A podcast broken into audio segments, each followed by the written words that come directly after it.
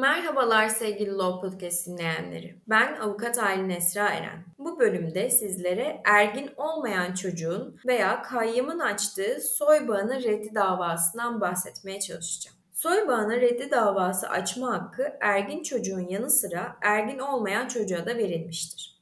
Ergin olmayan çocuğun soy bağını reddi davası açma hakkı Türk Medeni Kanunu'nun 291. maddesinin ikinci fıkrı hükmünde düzenlenmiştir davayı çocuk adına kayyım açar.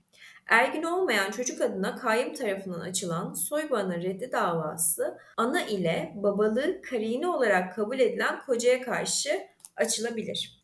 Ergin olmayan çocuk da soybağının reddi davasını açarak babalık karinesini çürütebilir. Ancak bunun sağlanabilmesi için ergin olmayan çocuğa atanacak kayyım Atama kararının kendisine tebliğinden başlayarak bir yıl, herhalde doğumdan başlayarak beş yıl içinde soybağını reddi davasını açabilirdi.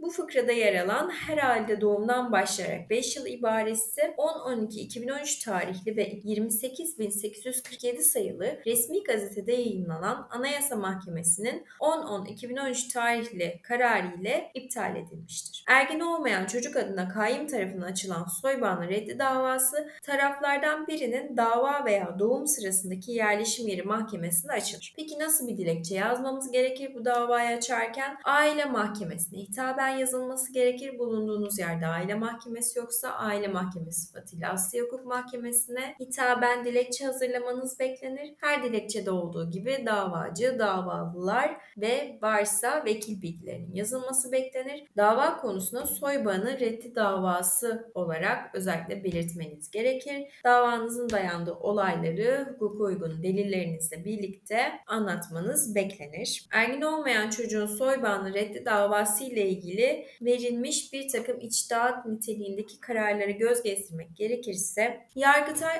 18. Hukuk Dairesi bir kararında şöyle demiş. Soybanı reddi davalarında sadece karşı tarafın kabulüne dayanılarak karar verilemez. 6100 sayılı hukuk muhakemeleri kanununun 308. maddesinin ikinci fıkrası uyarınca davayı kabul ancak tarafların üzerinde serbestçe tasarruf edecekleri davalarda hüküm doğurmaktadır. Soybanı reddi ve babalık gibi konular ise kamu düzenine ilişkin olup bu tür davalarda sadece karşı tarafın kabulüne dayanılarak isteğe uygun karar verilemeyecek. Hal böyle olunca mahkemece davanın kamu düzenini ilgilendirilmesi bakımından kuşku ve duraksamaya neden olmaksızın soy bağının doğru olarak tespit edilmesi zorunludur. Somut olayda mahkemece salt taraf beyanları ile yetinilmeyip iddia ile ilgili olarak DNA testi yaptırılması, alınacak rapor ve tüm delillerin birlikte değerlendirilmesi ve oluşacak sonuç doğrultusunda bir karar verilmesi gerekirken edilirken karşı tarafın kabulüne dayanılarak eksik araştırma ile davanın kabulüne şeklinde hüküm kurulması usul ve yasaya aykırıdır demiştir. Yargıtay 2. Hukuk Dairesi'nin verdiği bir örnek kararda ise vekaletname ergin olmayan çocuğu temsilen kayyım tarafından düzenlenmiş bir vekaletname olmalıdır der. Dava ergin olmayan çocuğa atanan kayyım tarafından açılan soy bağını reddi isteğine ilişkindir. Davayı açan avukat M.